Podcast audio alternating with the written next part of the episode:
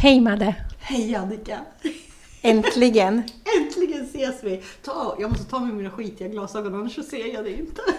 Nej, jag tog också av mig.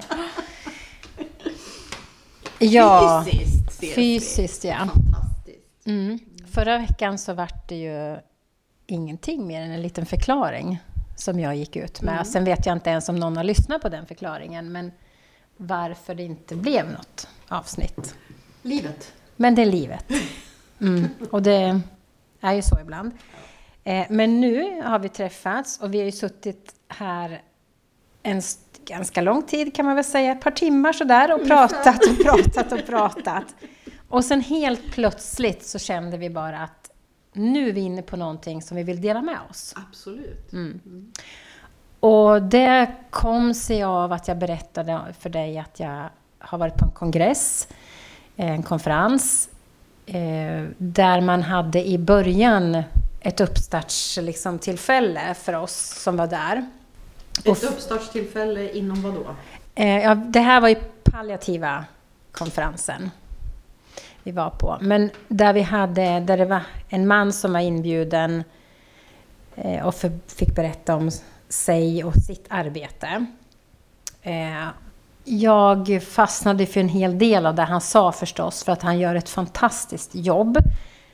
Eh, men vad jag sa till dig där, det var liksom så här, när han säger till alla att hans ilska är en stor drivkraft för honom i sitt jobb och som människa, då vart jag bara wow, tack.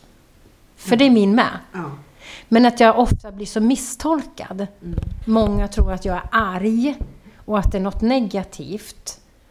Och det är klart, om jag skulle gå omkring och vara arg och vara ilsken och använda det genom att slå ner någon eller vara dum. Självklart så skulle det vara negativt. Men det är ju inte där den används. Den används som kraft till att göra något gott. Och då sa du att vi värderar ju våra känslor. ja. Känslor, det är inte bara, alltså vi är ju lärda att värdera. Därför samhället, alltså vårat, vårat sys- samhällssystem eller för att vi ska kunna leva tillsammans i den här världen så behöver vi ha vissa förhållningsregler. Så. Och där ligger bland annat värderingar. Så att vi har ju värderat, lärt oss att värdera vissa känslor som bra eller dåliga. Och då är vi tillbaka till det här igen, att leva ett liv där vi försöker göra oss själv lite mer medvetna om vilka värderingar jag har. Varför värderar jag någonting som bra eller varför värderar jag någonting som dåligt? Kan, kan jag mer och mer landa i en acceptans, i ett betraktande? Att, att acceptera att nu är det så här eller nu är det så här. Utan att lägga den där värderingen om att någonting är bra eller dåligt. Det är. Ja. Och om jag då får stoppa där, Ja. för då kan jag ta ytterligare en erfarenhet som precis i dagarna blev för mig. Just det här du säger betraktande. Eh, För nu har det varit några dagar intensivt för mig och det, ju, och det hade ju varit för dig också, det var därför vi inte kunde ses, bland annat.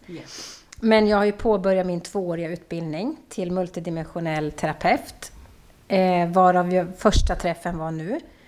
Och där hade jag då en känsla av mig själv i det här rummet med de andra. Att vad som sades eller inte spelar ingen roll. Jag liksom satt bara och hade en, en neutral känsla. Alltså jag var neutral helt. Och då sa Ann-Charlotte, som är vår lärare, att jag befinner mig i Dao-energin. Det vill säga den betraktande, eh, större, andliga energin. Och det kunde jag referera till när hon sa direkt. För jag hade ingen påkoppling av värdering eller dömande eller lyssnande på vad folk sa och inte sa eller, liksom, eller om jag befann mig någonstans. Ingenting, jag bara fanns där och hörde. Och det är faktiskt en jättehäftig känsla. Jag är så glad att du fick den förklarad för dig på ett sätt som gör att, att du kan relatera till den. Jag brukar ju nämna det ungefär som att jag ser att jag själv zoomar ut och betraktar. Att jag kan se saker och ting ur, ur ett annat perspektiv bara. Liksom. Ehm, och det är en väldigt behaglig plats att vara på. Mm. Det betyder inte att jag flyr ifrån någonting. Det betyder inte det betyder ingenting. Utan jag bara betraktar. Det kräver inte av mig ett agerande. Eller, eller att agerande rent fysiskt. Det begär inte heller att jag ska agera rent känslomässigt. Eller med värderingar eller någonting. Utan jag bara betraktar det som är. Mm. Och det här, när människor tittar på mig ibland så kan de bli så här, ja men du är ju inte närvarande eller du de värderar Mm. det beteendet hos mig. Att nu är du liksom frånkopplad eller du är inte, du är inte här. Eller, jo, jag är mycket, mycket, mycket mer där Mm. än vad jag kanske skulle vara om jag vore i eh, Din mentala kropp. Ja, alltså det, det, där, där det krävs att jag behöver agera i någonting. Mm. Eh, utan jag tycker om att vara i den energin och i det betraktandet. Eh, därför att för mig är det ett väldigt behagligt sätt att leva. Det är ju väldigt lugnt. Mm. Är det? liksom. Stilla. Ja, Mm. Vilsamt. Vilsamt, ja. Och jag har säkert befunnit mig där naturligtvis tidigare. Alltså, Det kom ju inte bara som en så här pang bom, utan men jag fick det förklarat på ett sånt bra sätt för att jag skulle förstå var jag befann mig. Ja. Och då kunde jag liksom genast också kliva in i känslan av att vad fint. Eh, då vet jag, för att då har jag liksom själv referens till mig själv på något sätt. Mm. Jag kan inte förklara på, på ett bättre sätt. Men, och jag menar, det som sades i det där rummet tänker jag inte outa här förstås. Men det var ju saker, det var känslor, det var mycket, men det, det var ändå liksom inget som jag la... Alltså annars kan man ju tänka sig, jag sitter i ett rum, eh, någon berättar någonting som är faktiskt alltså... Mm, ja, blottar sig själv eller så. Eller säger saker i en diskussion som du skulle kunna agera på. Absolut, för att det finns mycket känslor i rummet. Men nej. Det var liksom, jag bara fanns där. Mm. Och jag var inte utzoomad så jag var borta någon Nej, annans nej, eller hade somnat. Nej, eller nej, så. nej utan man, man, man, kan känna hur man som separerar från sig själv på något sätt. Jag vet inte riktigt hur den känslan är. Utan den, den är precis som jag, jag kan känna hur jag lyfter mitt medvetande. Eller jag lyfter liksom en del av mig själv. Mm. Eh, utanför mig själv. Och sen står jag som snett bakom mig själv och så betraktar jag. Det, det, det är den platsen jag kan alltså förklara som bäst. Eh, på det sättet. Att Mm. jag, och så ser jag liksom som utifrån ett annat perspektiv. Liksom. Och då är jag inte kopplad till mitt, eh, till mitt känslomässiga jag eller mitt, Nej. mitt eh, tanke-jag. Utan jag bara är där Mm, i betraktandet. Och det här var någonting som jag upplevde när jag lyssnade lite grann på, det var Ad- Adyashanti som sa, undrar om det var Björn Atteko Lindeblad som nämnde det och sen så sökte jag vidare i den informationen. Eh, buddhistmunk eh, och som har mycket utbildningar och haft eh, mycket föreläsningar och så. Man kan hitta honom på Youtube bland annat, Adyashanti. Eh, och han sa det att har du någon gång ställt dig själv frågan Vem är jag som betraktar omvärlden genom mina ögon? Vem är det som betraktar omvärlden genom mina ögon?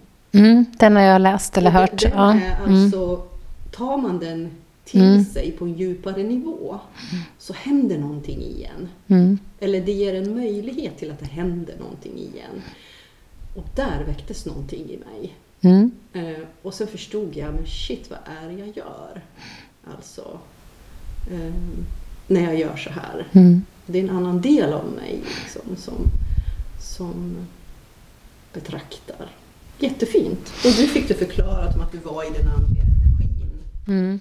I Dao, liksom, Dao-energin. Så vi behöver olika förklaringar för att vi ska klinga till. Liksom. Absolut. Och det är det som är så häftigt och så fint att det finns så många Mm. författare, det finns så många kloka människor där ute som pratar och berättar saker och, och just den här rösten eller just den här boken den klickar för mig. Liksom. Mm, Den talar mm. mitt språk Mm. vid rätt tillfälle också. Mm. Det är ju inte så... Alltså det tänker jag att det är inte slumpen förstås. Såklart inte. Nej.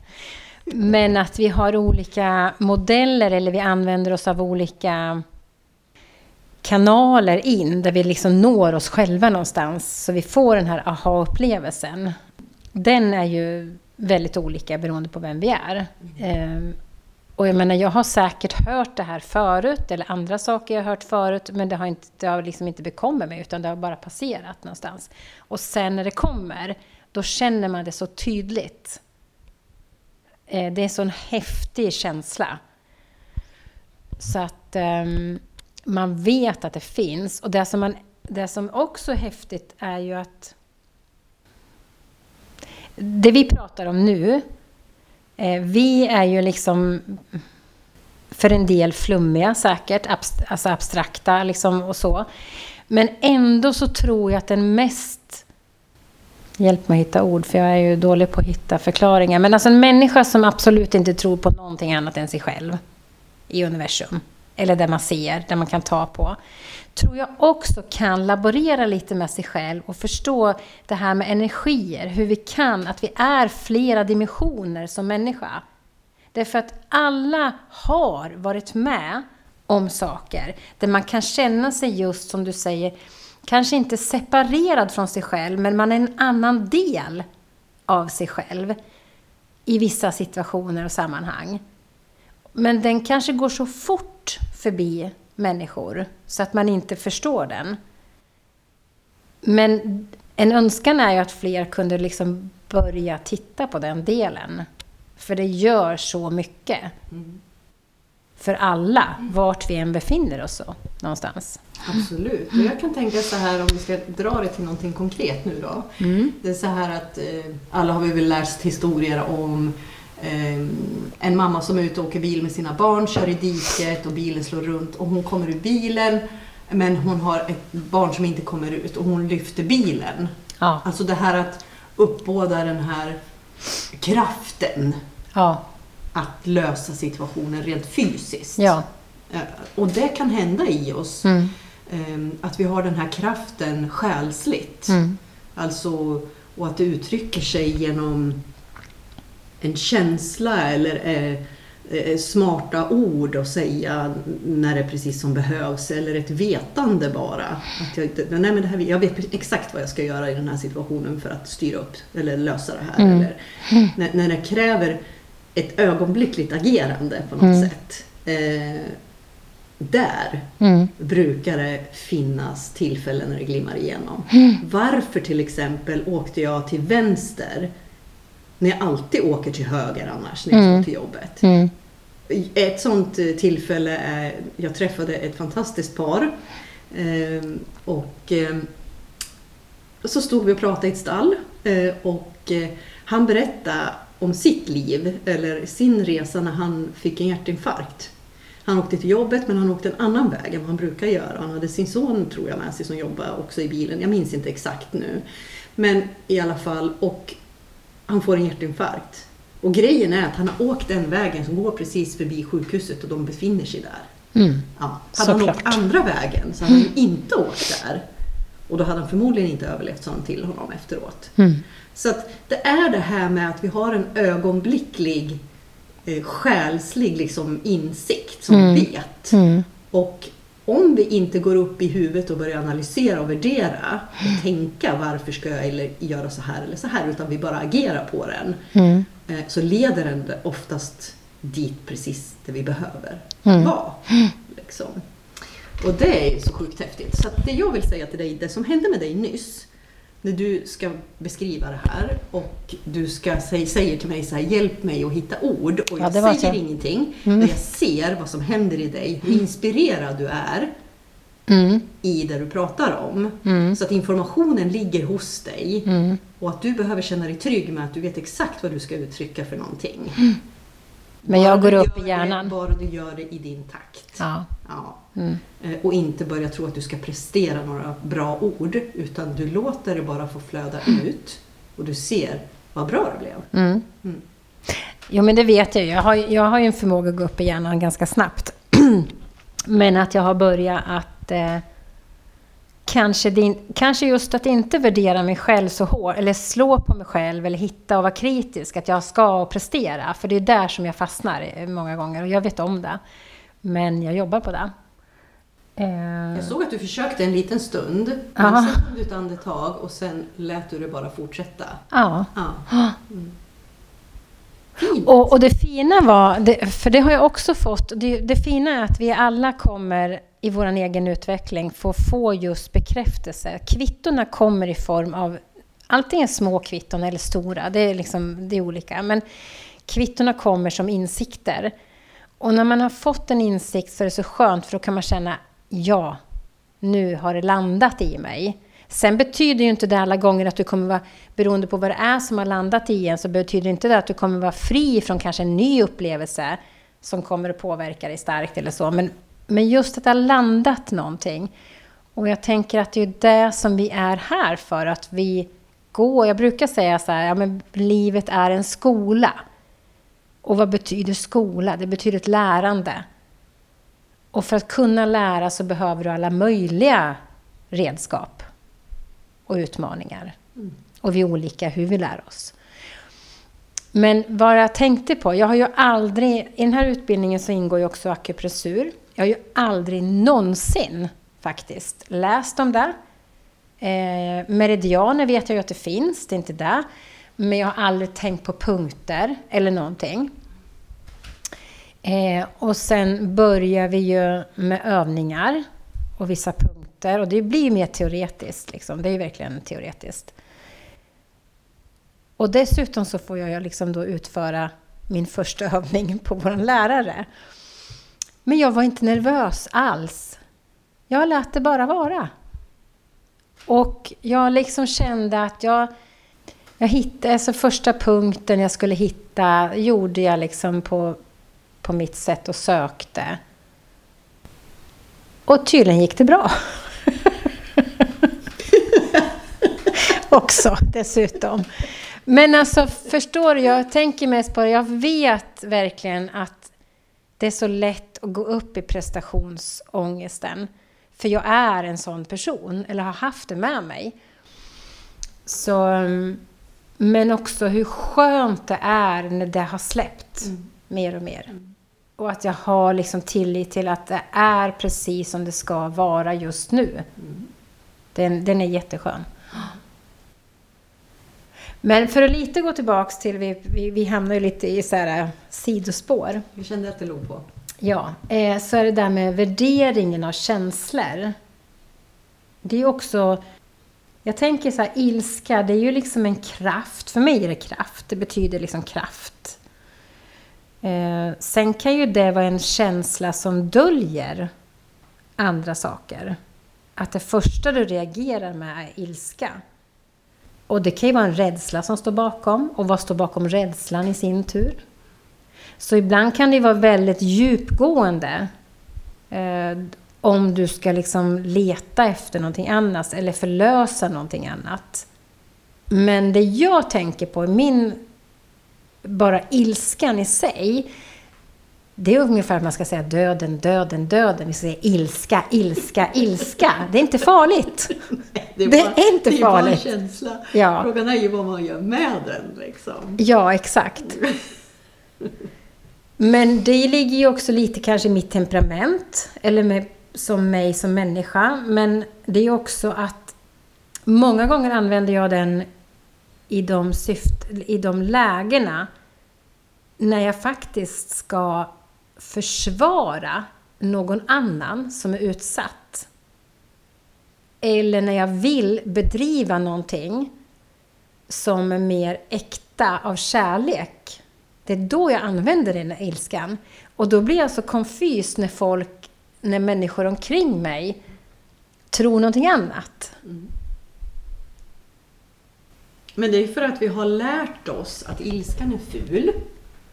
Eh, och också säga då så här, men varför måste du vara arg hela tiden? Kan du inte prata som en vanlig människa? Ja, precis. Ja, ja den, är, den har jag fått höra. Ja, jag känner igen den nämligen.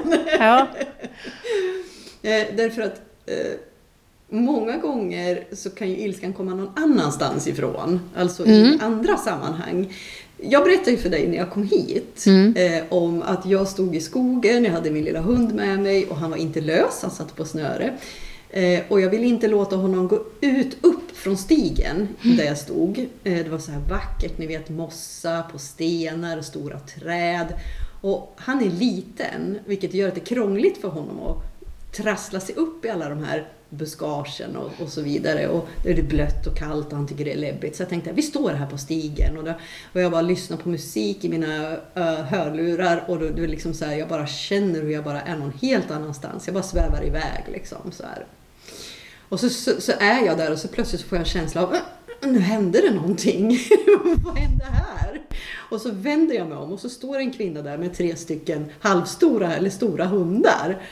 Och hon har säkert pratat med mig och sagt ursäkta kan du flytta på dig eller vi ska fram här eller någonting och jag hör ju ingenting för jag, jag har verkligen musik på hög volym här. Och jag fortsätter att lyssna på musik, jag stannar kvar i min själv, i min egen energi men fysiskt kan jag ju se på henne mm. hur jävla arg hon är på mig. Skitirriterad. Men jag väljer ju att inte plocka in det för jag befinner mig på en plats med mig själv där jag vill vara. Liksom. Jag vill inte ta ansvar för henne och hennes känslor. Så jag kliver bara av stigen med min lilla hund och så får hon passera där. Eh, hon var jättearg och vem vet, hon kanske var skitarg på det där hela dagen och säger till gubben han kommer hem att, vet du vad idag? Idag har det stått en jävla kärring mitt på stigen med en hund och flyttas inte. Hon lyssnar inte ens på mig. Shit happens, ja. tänker jag. Men den ilskan tar ju inte jag med mig. Nej. Här, här är ju också så att hennes ilska kom ju någon annanstans ifrån. Ja.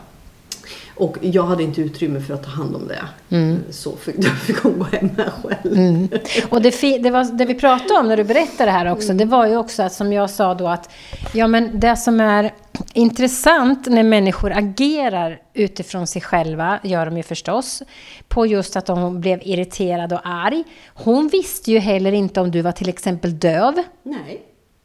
Men det är ju det här som många inte tänker på. Du vet ju inte vad den andra är i för skick eller vad den andra är för tillstånd eller vad den andra, om den ens hör eller ser eller alltså...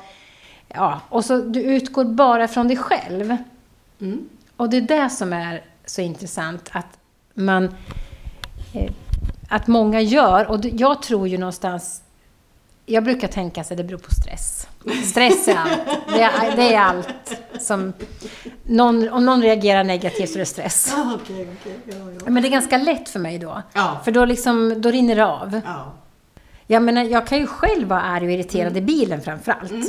För jag tänker många gånger, men vad fan, har du ingen gas på din bil? Har, du, har den pedalen försvunnit liksom? Stå inte i min väg, låt mig ha fri här. Ja. Men och varför jag då relaterar till stress, det är för att jag vet att jag är stressad då. Mm. Och när jag tänker de här tankarna i bilen, då bara, nej Annika, du kan inte komma fram fortare. Och det kan faktiskt vara så att de har bilen full av kristallglas. Så de kan inte åka fortare. Eller en bebis som sitter där som de är jätterädda om. Ja. Vad som helst. Men det är ganska kul när man kommer på sig själv. Ja. För jag själv kan faktiskt vara där ja, och hamna där. Herregud, men jag tänker ju bara på det här nu, det du säger så här, när jag går igång, när, jag, när, när ilskan är min drivkraft. Liksom, så där, och när människor runt omkring är liksom så här, men vadå, vad fan måste du vara så arg för? Liksom. Mm. Eh, det är ju för att de har lärt sig att ilskan är ful, mm. att den är fel, mm. att, att man inte får vara arg. Ja. Känslor i Sverige överhuvudtaget är farligt. Oh ja. Herregud, en av mina tidigare chefer vet jag sa till mig så här, men har du sydländskt påbrå? Mm. Nej, varför undrar du? Ja, men du har ju sånt jävla temperament. Mm. Och då handlar det också om när jag ser att det blir, människor blir orättvist behandlade. Mm. Eh, och då, då blir jag galen och jag säger det spelar ingen roll vem som står i min väg då. Nej. Jag har inga hämningar. Inte jag heller. det... Jag talar klart och tydligt mm. om att det här är inte acceptabelt. Mm. Punkt. Mm. Mm. Men då skulle man förklara min ilska mm. med då att jag ja. hade påbrå från en annan kultur. Där det är mer erkänt att faktiskt vara mer med sina känslor och låta dem få flöda omkring. Liksom. Mm. Ehm, och då skulle det vara en ursäkt liksom, mm. på något sätt. Jag behöver ingen ursäkt, behöver du? Nej, absolut inte. Och jag... Jag jag inte att någon behöver ha en ursäkt nej. när man berörs och det är någonting som ligger mig så varmt om hjärtat. Eh, så att jag liksom känner att jag går igång på.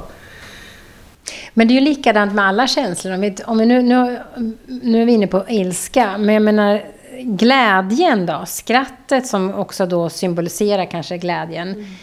Eh, det är ju också någonting, jag kan ju vara likadant där, jag kan ju vara hysterisk Ja. i mitt skratt, i min glädje.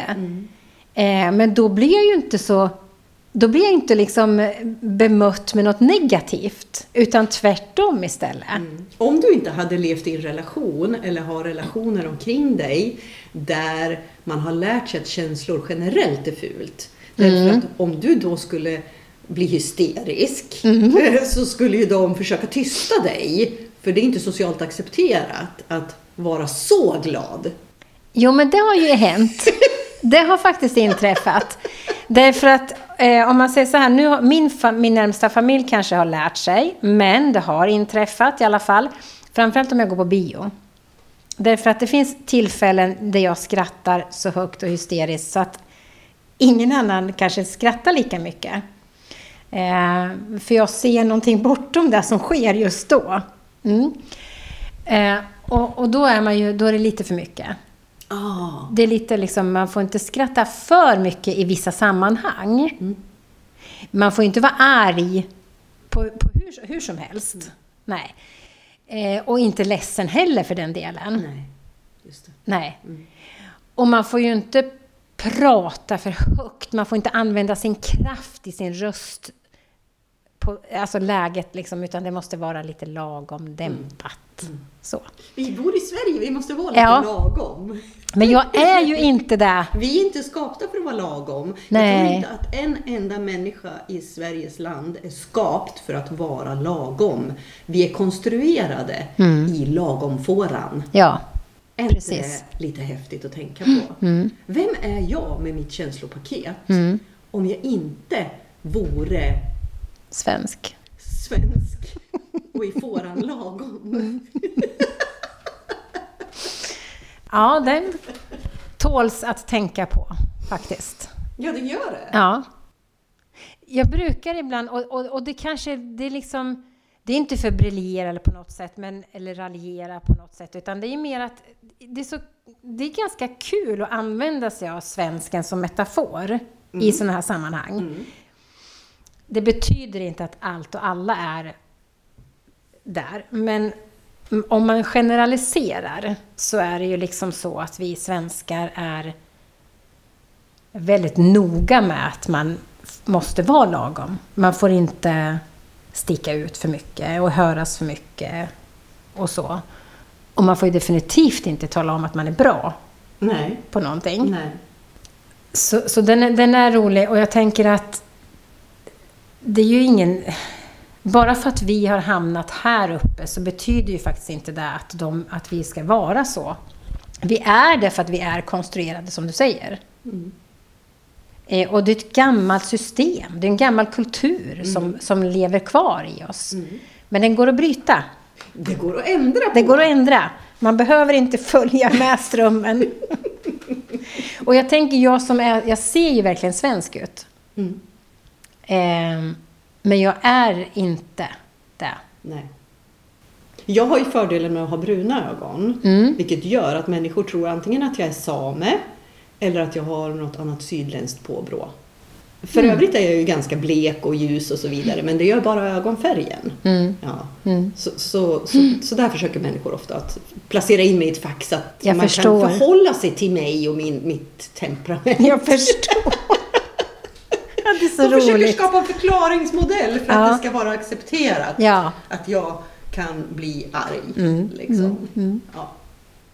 Och, så kommer, och de får inte ihop det med mig då? I alla Nej. fall inte den Nej, för du förklaringsmodellen. har ju blåa ögon, Mm. du är ju väldigt nordisk i ditt utseende. Liksom. Så.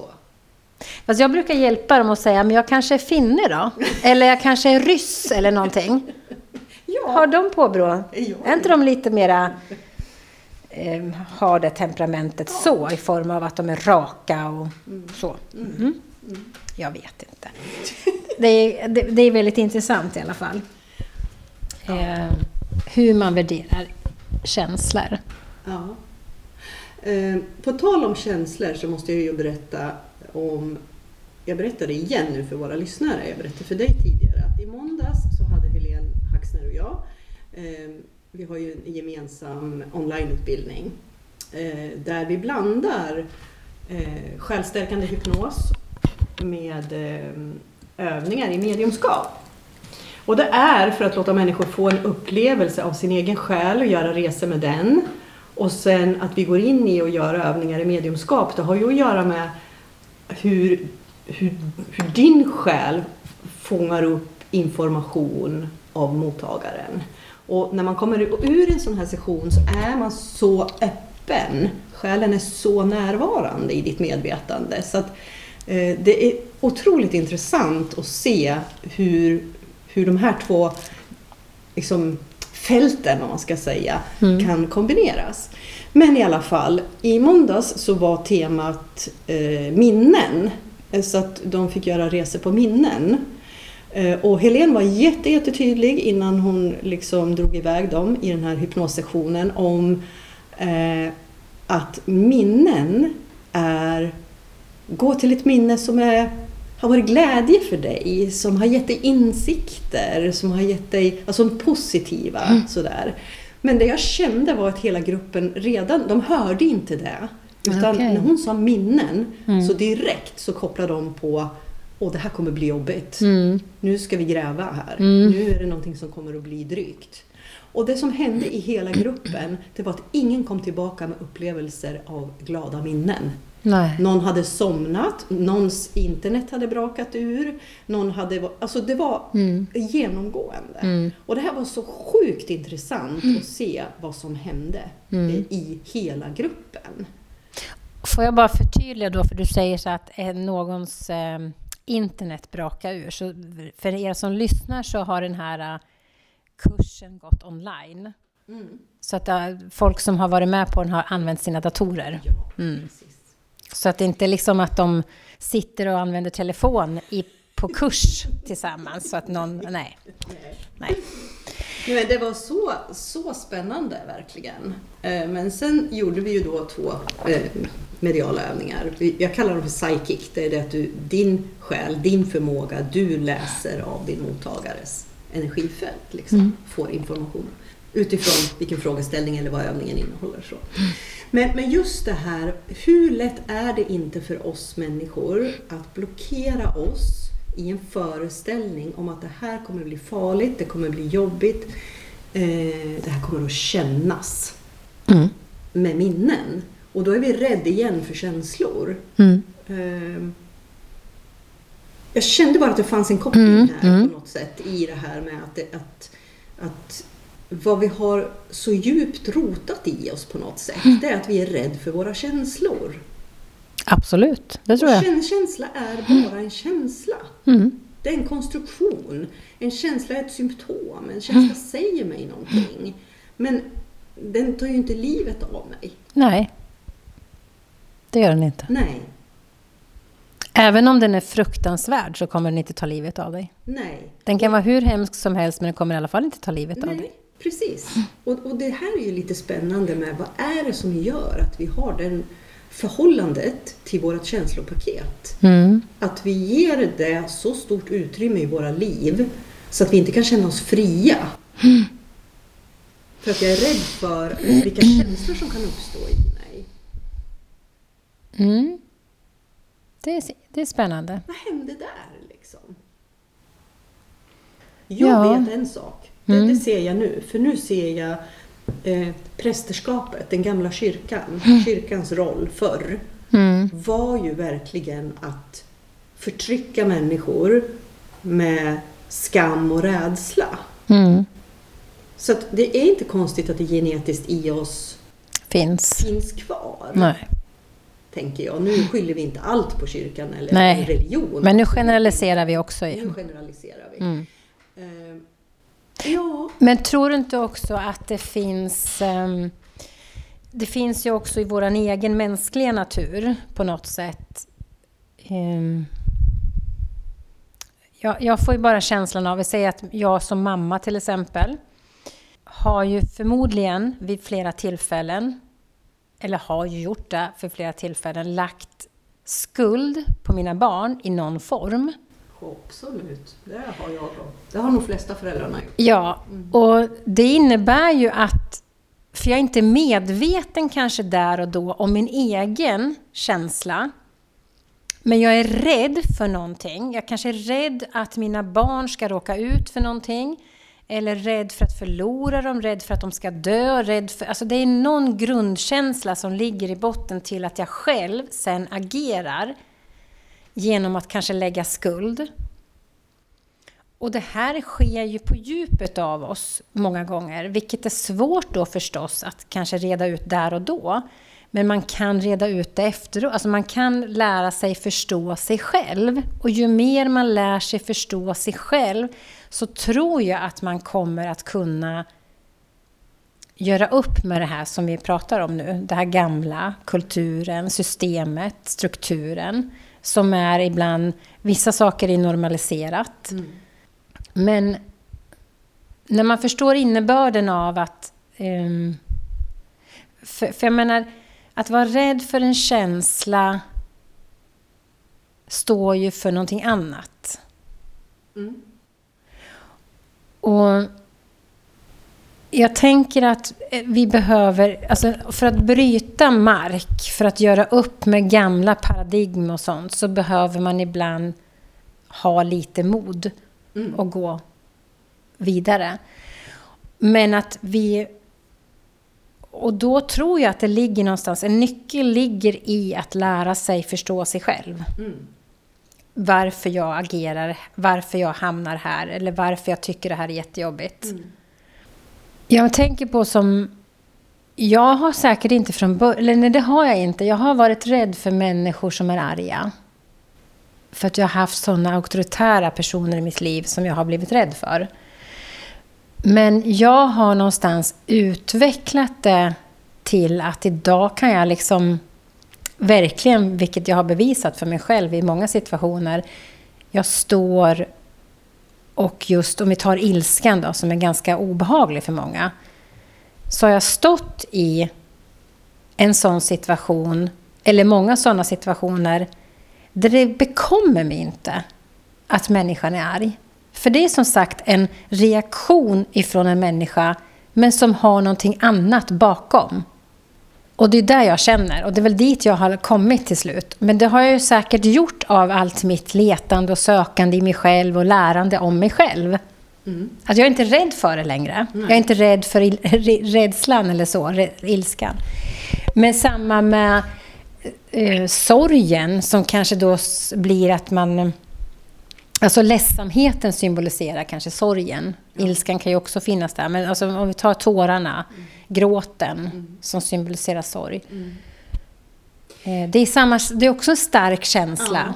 Ja. Jag, jag, det här, jag var med om en sak, eller så. Jag, jag har tidigare berättat om att jag fick göra en resa med en familj eh, som, där man miste en familjemedlem. Och eh, när begravningen var tänkte jag inte gå, för jag kände att det var inte liksom som min plats och sådär. När jag väl valde att gå på begravningen så kände jag att det var inte på min, för, alltså min plats att följa med på minnesstunden och så vidare, alltså efteråt och sådär. Men, men hur som helst så under resans gång så, så deltog jag. Eh, och eh, på minnesstunden efteråt, det var fantastiskt, jättefint. Eh, det symboliserar verkligen vilken kvinna det var eh, med, med sån olikhet bland alla gäster och, och, eh, öppenheten och acceptansen och respekten för varandras olikheter var magiskt att få uppleva. Men i alla fall, där möter jag en person som berättar för mig att eh, ja, men den enda som hörde av sig, eller en av de få som hörde av sig till mig innan jag fick cancer var just den här kvinnan som gick bort då. Mm. Eh, berättar den här mannen för mig. och hon var inte rädd Nej. för att våga mm. möta hans eh, känslor. Mm. Och jag sa det, nej det är ju inte helt ovanligt att människor väljer att försvinna ur ens liv eller man går över på andra sidan vägen och låtsas man inte ser någon. För att människan är så rädd, man vet inte hur ska jag bemöta den här Mm. personen. Han sa det, ja, sa han, och jag som sjuk fick ju ta ansvaret för att ringa runt till mina kompisar och säga, men vad fan lägg av nu, jag är fortfarande samma människa. Kom igen, jag, kom igen. jag behöver er i mitt liv liksom. Och eh, eh, hur det många gånger faller på den som, ja som i det här fallet då var sjuk, att ta ansvar för andra människors känslor och tala om att du behöver inte vara rädd för mig. Mm. Eh, utan, ja, Mm. jag är samma person. Mm. Jag har bara haft en sjukdom eller har en sjukdom liksom. Den kan jag bekräfta faktiskt ehm, genom att säga att det finns ju studier på det här eh, och forskning på vad händer när en människa hamnar i ett sånt läge. Eh, vad händer med andra omkring, närstående eller vänner och så här. Då. Och, och, och vad händer i samtalet framför allt? Vad, om samtalet, liksom, hur det, vilken riktning det får. Och det där är ju ganska intressant. Eh, utifrån det jag jobbar med så vet jag ju att det är svårt för många eftersom jag jobbar med människor som eh, finns i livets slutskede. Eh, bland annat. Och, men då är det så här att man har, det har visat sig liksom att om man kommer i ett samtal, eller man kommer in till någon, eller man möter någon, eller man har någon nära som, har, som är där och befinner sig i den här svåra stunden. Eller man har drabbats av en sjukdom som cancer till exempel, för det är jätteförknippat med döden för många fortfarande. Fast det inte behöver betyda det idag, för att vi har så kommit så långt i forskning och så, medicinskt och allting. Men man hamnar lätt där i alla fall. Och det som var fint var att jag lyssnade på en föreläsning där de berättade om en man som var sjuk. Eh, och där det var faktiskt också en vän som kom in i rummet då. Nu låg han på sjukhuset vid det här tillfället för att han fick mediciner och så. Eh, och han kände ju genast, eftersom en människa som har hamnat i ett sånt här läge där man är sjuk, så svårt sjuk så att man har kopplat sig själv till döden på något sätt, hamnar i en dimension eller en, en, i en annan i en annan känsla i alla fall. Så man, det blir påtagligare när man tar emot någon annan och känna av dennes energi. Och i det här fallet så var det så att han kände direkt att hans vän var rädd. Så han började prata om vädret. Mm. Vilket vi för sig i Sverige, det är kanske är därför vi pratar om vädret, för att vi många gånger är rädda för, för just känslor. Eller vad kommer hända om jag öppnar mun och säger någonting? Ja. Man är rädd i alla fall av något slag. Så att han pratar om vädret eh, och väldigt ytliga saker. Men när den här vännen sen fick sitta där en stund och känna att det var inte farligt på något sätt. Vi är likadana, vi är fortfarande vänner. Han har inte förändrats. Alltså, så, då börjar väl han förmodligen att bli nyfiken och vilja veta mer, för det väcks ju saker inom dig. Eh, så att han ställer frågor. Och då genast fick de ju det här djupa samtalet som man önskar när man har drabbats av någonting. Mm. Därför att när man drabbas av någonting som gör att ens liv ställs på sin spets. Sen betyder inte det att du kanske dör en vecka senare, ett år senare. Det kan vara att du kan leva med det här, men du har ändå kommit dit. Du har blivit påmind om din egen dödlighet. Jag Ja. menar, alla kommer vi dö, det vet vi. Ja. Det är det enda vi alla vet. Ja, Har vi fötts till den här jorden kommer vi att dö. Ja. Det är ingen som kommer levande härifrån. nej. Och ändå så är det så svårt Mm. att förhålla sig till för så många människor. Att bli påmind om sin dödlighet. Mm. Men då skulle jag faktiskt igen vilja hävda, och jag har ju inget på fötterna för det här naturligtvis, men jag vill hävda av min erfarenhet att vi är ett speciellt folk i vårt land som verkligen är så sekulariserade och bort, alltså vi är bortvända ifrån döden. Mm. Och jag tänker som så, alltså nu när du säger sådär så händer det någonting i mig och jag känner direkt att om vi är så frånkopplade döden mm. som begrepp eller som, som händelse eller så, så kan vi ju heller inte vara påkopplade för livet till 100 procent. Nej. Exakt. Jag kan inte uppleva livet till 100 procent. Om du är rädd för att dö? Om jag inte har en relation till döden mm. som är i balans mm. med livet på något sätt. Mm. Nej. Nej men så, så ser jag också där naturligtvis. Men det är ju också, och visst en del kan tänka sig kanske att det är lätt för mig att säga för att jag, men, men jag jobbar med det här. Eh, och det, det är ju, men det är inte lätt. Det är inte lätt för mig heller, för vi är alla människor. Vi har en relation till döden oavsett vi vill eller inte, så den finns ju där. Men att få upp den till ytan, få fram den och smaka på den, tala om den. Vad händer med oss när vi pratar om döden? Och vad händer med mig och mina känslor?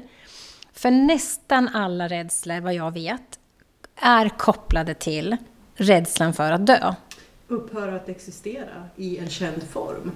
Ja, säger filosofen. Men, men, och det mediala oraklet. men, men absolut, det är samma sak. Ja. Men just att det liksom... Och, och, det är ju... Ja, det vore fint i alla fall om, om vi liksom vågade... Hålla det mer levande. Mm. För att det påverkar mm. mitt liv eh, och livskvaliteten jag har varje dag i de val jag gör. Mm. Alltså, jag har en väldigt nära relation till min död. Mm. Därför att valen jag gör i det här livet grundas många gånger utifrån, kommer jag ångra mig? Mm. Om jag ligger där imorgon? Mm. Eller den är fin att ha med sig. Jag måste reda ut den här relationen. Eller jag, behöver, jag känner att jag vill ha harmoni på det här området. Eller beslut jag fattar någonstans. Att jag kan inte vänta för länge. Mm. Utan, utan jag känner att jag vill ha så städat som möjligt omkring mig. Mm. Eh, och det är mitt sätt att förhålla mig till dödens eh, närvaro. Jag, mm. jag jobbar med döden på andra sidan, människor i sorg som har mist någon. Mm. Nu har jag ju haft förmånen och dörren har ju öppnats att jobba mer med människor som är på resan till mm. ett avslut. Mm. Både anhöriga och, och personen i fråga själv. Mm. Eh, att kunna vara en, en, en resekamrat liksom, under den perioden.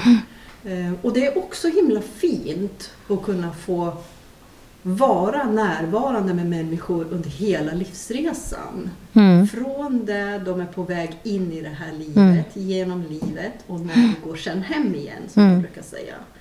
Att, att få ta del av människors hela liv, det är fantastiskt. Ja, det är verkligen otroligt fint och vackert. Um och jag, när, när jag sitter och lyssnar på det så ler jag. Men det är bara för att, och nu kommer jag att outa det här, för det får jag göra. Och det är ju så att jag fick ju faktiskt häromdagen vara med min dotter på ultraljud för att hon har en liten bebis till i magen. Nu dör jag lite kärleks. Ja. Och det jag vill säga med det, det var ju att just få se det här lilla som ligger där inne, men som är så kavat och kapabel redan. Ja. Alltså det är helt galet. Ja. Och jag satt just där och tänkte så här, undrar när själen kliver in. Mm, det känner du? Ja. Mm. Eh, och sen liksom, ja, dagarna efter så hamnar jag i liksom slutet av livet. Ja. Av andra, an, andra orsaker. Mm. Men, och likadant så, jag vet att i för förra avsnittet, eller när det var, så, så sa jag att det inträffade en eh, sak i vår familj då, där vi inte vet resultatet än, eh, men där jag inte går in i det heller. Utan mer att då var det ju så att min mamma, nu säger jag det då, min mamma fick besked om att hon har en tumör i eh, njuren. Och som alla andra så drabbas ju förstås min familj och även jag av en skräck liksom, eller en rädsla för att kunna förlora. Mm. Eller hur kommer det bli? Um, och den måste man få ha. Den måste man få ha och bearbeta. Och den, den gör man, man... Man ska verkligen inte stoppa undan sånt här. Utan man ska ta upp det till ytan istället och prata om det. För mig då som, som är trygg ändå med det. Um, gör ju ändå att jag är ju ledsen för om, om det skulle ske något dramatiskt där jag liksom eh, skulle förlora min mamma idag, i nu, mm. nuet liksom mera. Eh, och de tankarna kommer ju förstås också. Men det fina eller det med, med det här då, det är också att eh, när jag fick det här beskedet bara ett par dagar senare så kom hon ut till mig, hon och pappa. Och då säger jag så här till mamma, vet du vad? Nu kanske du kommer tycka det här är en konstig fråga, men jag ställer den ändå för jag tycker inte det. Utan ska vi ta och öppna en flaska bubbel du och jag och fira livet? Ja, precis. Vilket vi gjorde. Mm. Så vi tog ett glas bubbel och firade livet. Ja. Och den var så himla fin och stark. Mm. Man kan ta kaffe också förstås. Men, men jag menar, det var så liksom himla... Eh, det var bara någonting som kom till mig och som jag kände det här ska, vi, ska jag, måste jag i alla fall leverera och fråga om. Och hon tog emot det så bra. Ja. Och det var inte bara för, men det var ändå så här, vi blev påminda här, för jag tror att det här kommer att gå bra. Men vi blev påminda mm. om döden igen. igen. Och det blir vi ju då och då. Ja. Men då blev det så starkt ja. att livet finns hela tiden. Ja. Och mamma sa så här vid det här tillfället att hon blev ledsen när vi stod och pratade igen. Att, um, för jag frågade vad du är mest rädd för? Och då sa hon att dö just nu, för att hon vill inte. Hon har så mycket omkring sig som hon vill vara med och leva för. Hon sa inte leva för, vilja vara med om. Och då sa jag, vad ska du göra då, sa jag, åt det? Då vart hon tyst och visste inte. Vad menar du, sa hon. Eh, det får du känna själv, men vad jag menar det är ju att du ska leva. Det är precis det du ska göra. Du ska leva. Mm. Vad du än, in, vad du än liksom stoppar in i livet som är viktigt mm. ska du göra utifrån dig själv mm. och leva. Mm. För då kommer du inte ångra någonting Nej. den dagen du går vidare. Nej. Och det är där jag tror kärnan ligger. Mm. Att just som du också var inne på och sa, att du drivs av att du inte vill ångra någonting. Mm. Det är kraftfullt att ha mm. den med sig. Ja, det är otroligt. Det gör livet väldigt närvarande. Nu vill jag också vara tydlig med att säga det, att drar vi det här till sin spets också, eh, eh, så kan ju det skapa en stress i mig. Att jag inte, jag hinner inte allt jag vill. Har jag fattat alla rätt beslut idag utifrån själens önskan och mm. min medvetenhet om min dödlighet och så vidare. Nej, nej, nej, det är inte där. Det är inte där. Utan jag har full tillit till att allt jag kommer hinna med i det här livet, det, det, det kommer jag hinna med. Mm. Men, men det skapar ändå en större medvetenhet mm. på något sätt. Att livet inte pågår för mig. Mm. Och att det är någonting som ska ske längre fram där framme när jag går i pension eller eh, när, när ungarna har vuxit upp eller när alltså, mm. alla de här yttre liksom, förutsättningarna är skapade. Utan nej, här och nu. Mm. Vad kan jag göra här och nu? Mm. Och att när jag går och lägger mig sen tacka för dagen och känner att det, det är gott nog. Mm. Det är gott nog. Eh, och okej, okay, jag kanske borde ha gjort si eller så, eller tänkt si eller så, eller agerat si eller så. Ja, ja, men nu vart det inte så. Mm. Och, jag, och jag värderar det inte. Nej. Utan fine, jag får en ny chans förhoppningsvis om jag vaknar imorgon. Mm. Alltså, för mm. det är inte heller någonting som jag tar för givet. Nej. Jag gör verkligen inte det. Och det är så himla fint att höra dig säga det här, för att eh, vi firade livet mm. medan man lever. Mm. Därför att när jag hade varit på den här begravningen och de här barnen som mistade sin mamma och jag var ungefär i den åldern när jag mistade min mor också som, som den yngsta utav de här barnen. Då. Eh, så gick jag hem till mina ungar och så säger jag så här, jag ska inte ha någon begravning. Jag vägrar! jag ska inte ha någon präst eller någonting. Jag ska, ni ska fira mitt liv. Ja. Jag vill ha en fest när jag dör. Mm. Alltså ni fattar ju vad det här drar igång igen. Mm. Alltså när man blir medveten. Att göra klart det här nu då. Jo, Vita arkivet, det finns på, på, på internet. nu. Man kan bara logga in med sin e-legitimation. Bara, Nu väljer jag låtar, nu väljer jag det. Det är också så här. Och så ändrar man vart efter, Ja, man lever. Ja, ja. Nej, nej, men nu gillar jag inte den Nej. längre. Nu kan jag byta. Exakt. Så att man får se det med lite humor också. Mm. Alltså, så tänker jag.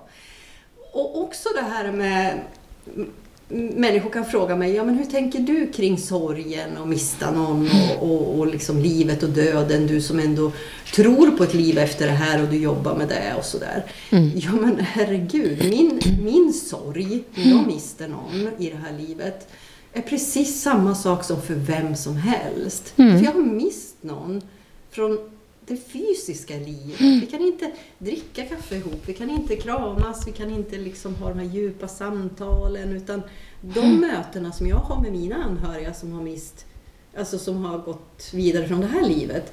De samtalen ser ut på ett helt annat sätt. Mm. Och den närvaron och våran, alltså min känsla av deras närvaro är ju på ett helt annat sätt. Den är ju inte fysisk liksom. Nej men precis. Och, det ju, och den, alltså det är ju ingen skillnad på, på um, hur, hur långt man än har kommit i sitt liv eller hur man än... eh, Jag tänker så här, du får frågan du får frågan utav människor för att du jobbar kanske som medium eh, i den formen. Och det är ju ingen skillnad förstås. Och jag tänker att sorg, det är någonting som vi lever med parallellt hela tiden i livet. För den kommer och går naturligtvis, i beroende på vad vi är med om. Eh, det är inget som vi ska jobba bort eller eh, på något sätt, utan den, den, den finns där, det är en del av dig själv. Jag kan se sorgen som en farkost för väldigt många känslor. Ja, Eh, ja, ab- ja absolut, Alltså, ja, sorgen- verkligen. Ja. Sorgen är som en farkost för egentligen alla känslor. Eh, Ja, för sorg, alltså ja verkligen. Jag, jag menar, det, det kan jag liksom av erfarenhet se. Och där tänker jag också att många lägger eh, någon slags band på sig själva eller man slår på sig själv om man hamnar i sorg för att man har förlorat någon, säger vi då. Det behöver inte vara att man får sorg för att man har förlorat någon. Man kan få sorg för andra saker i livet. Men sorgen, att den, om vi säger att man har förlorat någon så är det ganska lätt att förklara det. För att just det här att man, den är ju liksom randig på något sätt. Den är liksom... Ena sekunden är jag glad och nästa sekund, för jag minns någonting som är fantastiskt och jag skrattar. Och så nästa sekund så faller jag ner och allting är svart och det känns tomt och det gör ont och allting. Och sen kommer man upp och har någon annan känsla och det är det här som pågår hela tiden. Tills man kanske har en... ehm, att, den att det lägger sig någon slags um, vilsamhet ändå i det på något sätt. Och man vet att okej, nu finns du här. Såret finns här, sorgen finns här. Förlusten kommer att finnas, men den inte påverkar mig på så hårt längre. Men att alla känslor vi har i sorgen är accepterande. Alltså alla måste få finnas. alla måste få finnas. Mm. Mm, och det är precis som jag ser som ett litet guldägg, du vet, så här, som representerar sorgen. Jag ser nästan som ett påskägg med, med, i guld och sen är det sån här fint guld eh, snöre med en fin rosett uppe på. Och när man lyfter på locket där så är det liksom så här hur olika känslor som puffar upp vid olika puff, nu kommer den och puff, nu kommer den. Och sen så kan jag välja att lägga på locket för nu orkar jag inga mer känslor. Utan nu, nu, nu, nu får du vila i sorgen, Mm. i det här guldägget. Mm. Och sen så liksom lyfter jag upp det igen. Mm. Vad fint. Jag kan känna, nu när vi pratar om det, jag kommer ju indammandes här och säger vad fan är meningen med livet? det här året, min resa det här året har ju inte varit rolig kan jag säga med dödsprocesser och födelseprocesser och hela skiten. Men det är eh, att jag kan känna att jag upplever en existentiell sorg. Mm. Eh, där kom ordet som jag inte hade tidigare. Mm. Eh, och den är också sjukt intressant Mm. eh, faktiskt. Mm, ja, den, var- den ska jag ta med mig. Mm. Mm, faktiskt. Och eh, suga lite vidare på vad det är. Eh, jag känner att det händer ju väldigt mycket saker när jag, när jag säger ordet. Mm. Eh, Den för tror jag- innehåller ju också alla känslor. Mm. För mig är det så att när man pratar om, ibland när jag säger också att vissa känslor ligger på existentiell nivå eftersom, fort, nu återkommer jag igen till mitt jobb, men det är ju, det är ju så viktigt för oss Ja. att kunna förstå att en människa har inte fysisk smärta Nej. bara av att det är fysisk, av en fysisk anledning. Nej. Utan man kan just ha en själslig eller existentiell Mm. sorg som går bortom allting. Mm. Och um, den är mycket, mycket, mycket djupare och mycket, mycket svårare. Mm. Den går inte, jag känner ju i hela mig Mm. vad som händer. Eh, eh, att ha den här existentiella sorgen, den är läskig alltså. För Mm. att det är nästan så här ibland man kan känna, men vad är meningen med livet? Mm. Eh, vad är jag här för? Jag vet varför jag är här. Mm. Eh, och ändå kan jag liksom känna den här. Mhm. Eh, i, vad sa jag att det var för känsla? Inte apati, men, men, men alltså, att jag känner ingenting. Och jag är Likgiltighet. Likgiltighet. Ja, för jag, jag har ju mycket känslor i mig, massor hela tiden. Men, Mm. men, men att plötsligt bara boom säger det. Så bara känner jag mig helt apatisk, helt likgiltig. Så här bara, "Ah, nej men det var inte så roligt. Eller nej det där var inte så kul. Eller enda gången jag kan känna att jag verkligen är i glädje och hoppfullhet och kärlek och eh, eufori, det är när jag är i mitt arbete. Att få liksom jobba med ett helande arbete eller att få jobba med andevärlden, alltså i våra möten med den fysiskt, mellan världarna liksom på något sätt. När jag får vara i, den, i det flödet, i den, på den platsen, då känner jag att jag fattar vad jag gör här. Jag Mm. fattar varför jag är här i det här livet. Men livet består ju av andra saker också, att vara människa här. Och det är ju det är där, precis som vi har pratat om tidigare, att också hitta en meningsfullhet i, i det livet. Som att det blir en form av balans i det här på Mm. något sätt. Ehm, och det är det som får pågå, för att det är ingenting jag kan skapa eller tvinga. Utan det måste som bara liksom landa på en djupare nivå i mitt existentiella jag och landa in i. Mm. Men jag har fått sett det och jag förstår det och sen får jag bara lita på att det kommer att landa på, på den plats där det ska. Mm. Mm. Det är spännande. Det är jättespännande och jag tror som sagt att man inte kan forcera fram någonting utan jag tror att vi människor kanske hamnar i ett sånt läge att vi har bråttom in eller från. Jag säger inte att du har det i det här fallet, men jag säger att många har det. Man har bråttom från gärna någonting. Ja. Ehm, för att man... ehm, Det är jobbigt helt enkelt. Mm. Men allt som är jobbigt ska också få vara det. Därför att det kommer att leverera Mm. någonting Mm. för dig.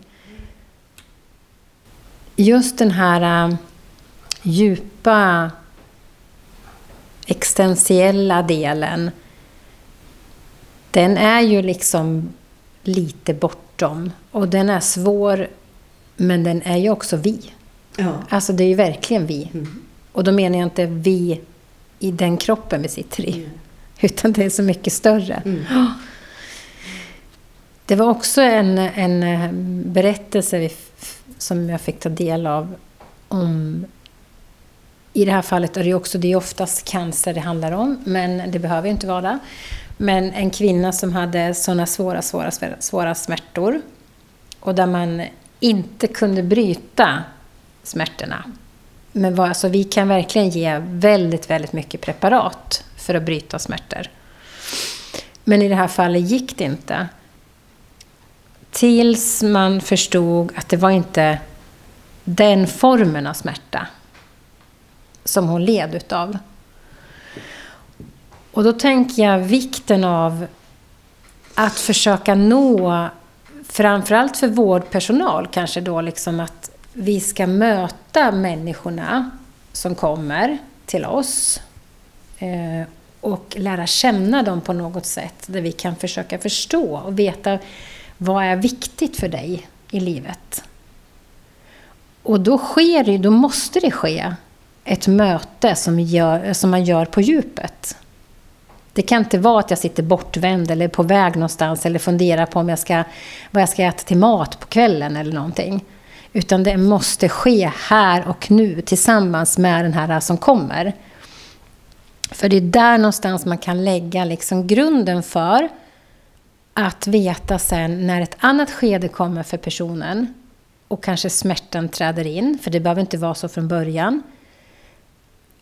Att jag kanske kan eh, ta dit någon annan. Jag kanske ska ta dit någon präst, för det kan vara religiöst. Eh, jag kanske behöver eh, ge personen beröring, närhet. Eh, jag kanske behöver lyssna bara, sitta där och få lyssna. För det kommer avlasta personen i form av vad den har med sig och vill få ut. Eh, eller att man kanske till och med har ett, en önskan om saker innan man ska dö. Som är jätte, jätteviktiga. Mm. Och att om jag kan då genomföra det här, kan jag hjälpa dig dit? Eller om man inte kan hjälpa personen dit, för det, så kan det ju vara tyvärr, eh, så kan jag få dig att acceptera det. Mm.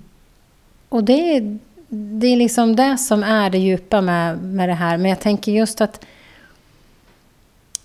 smärta behöver absolut inte vara smärta i sig som många tror att det är.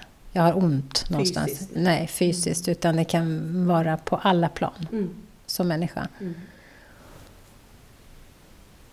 Och det har man ju sett i studier också mycket på om man har intervjuat människor till exempel i vad, vad man är mest rädd för om man drabbas av en obotlig sjukdom.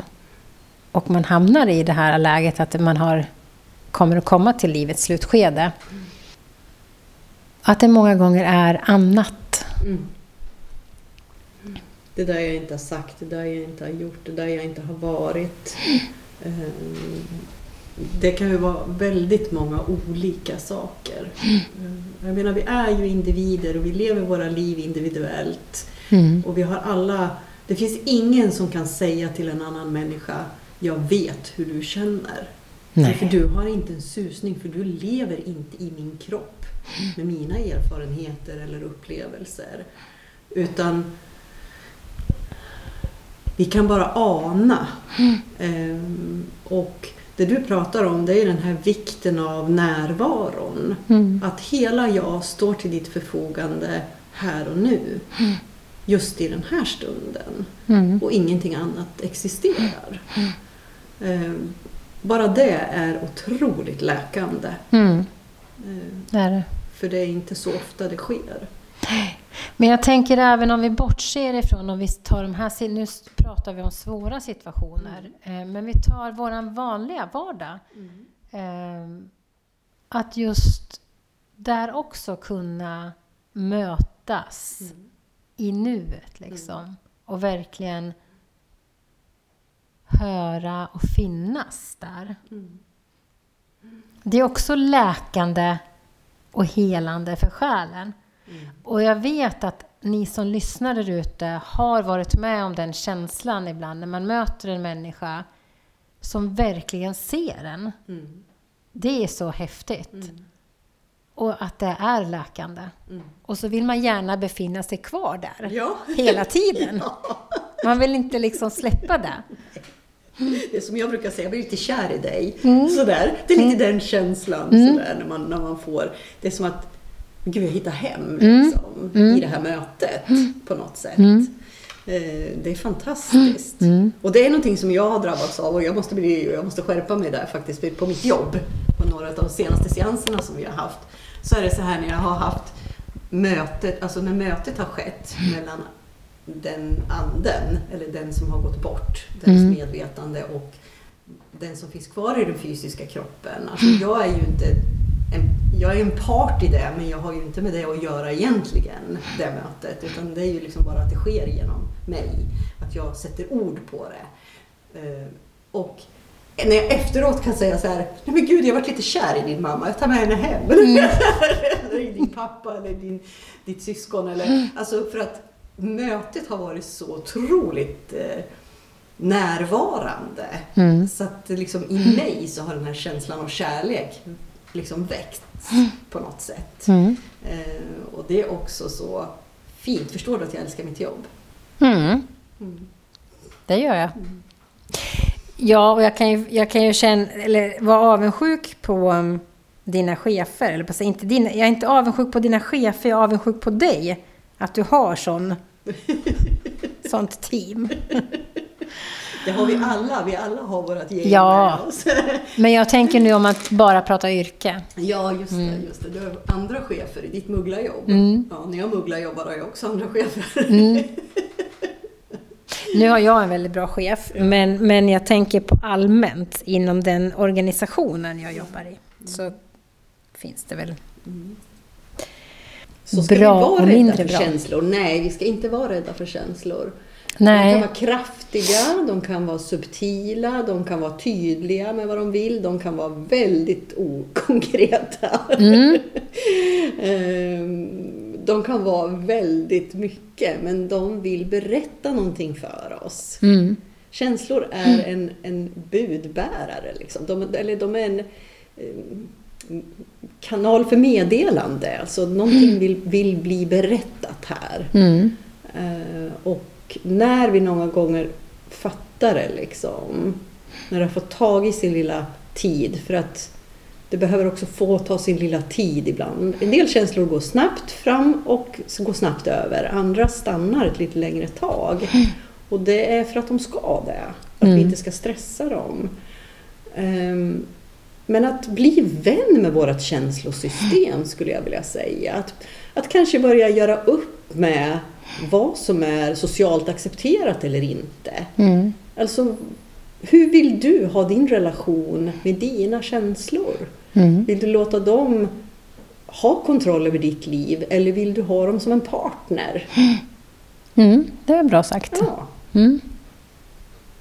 Så tycker jag. Eh, ja, men det skulle vi kunna avsluta med. Filosofen har talat. Mm. Du är för rolig. Jag såg vad du tänkte. Mm. Yes! Men det tänker vi avslutar med. Eh, det var ganska bra hopknutning. Vi börjar med värdering, eller värderandet av känslor. Sen gick det ju åt alla håll och kanter naturligtvis. Men i allt det här så, så är det ju känslor i alla Ja. fall. Ja, det är det ju. Eh, så um, får vi se vad vi hittar på till nästa gång och prata om. Vem vet? För vi skulle nog kunna suttit ett bra tag till här nu. Eh, men nu gör vi ett avslut och, eh, och jag säger puss och kram till alla. Tjing på det.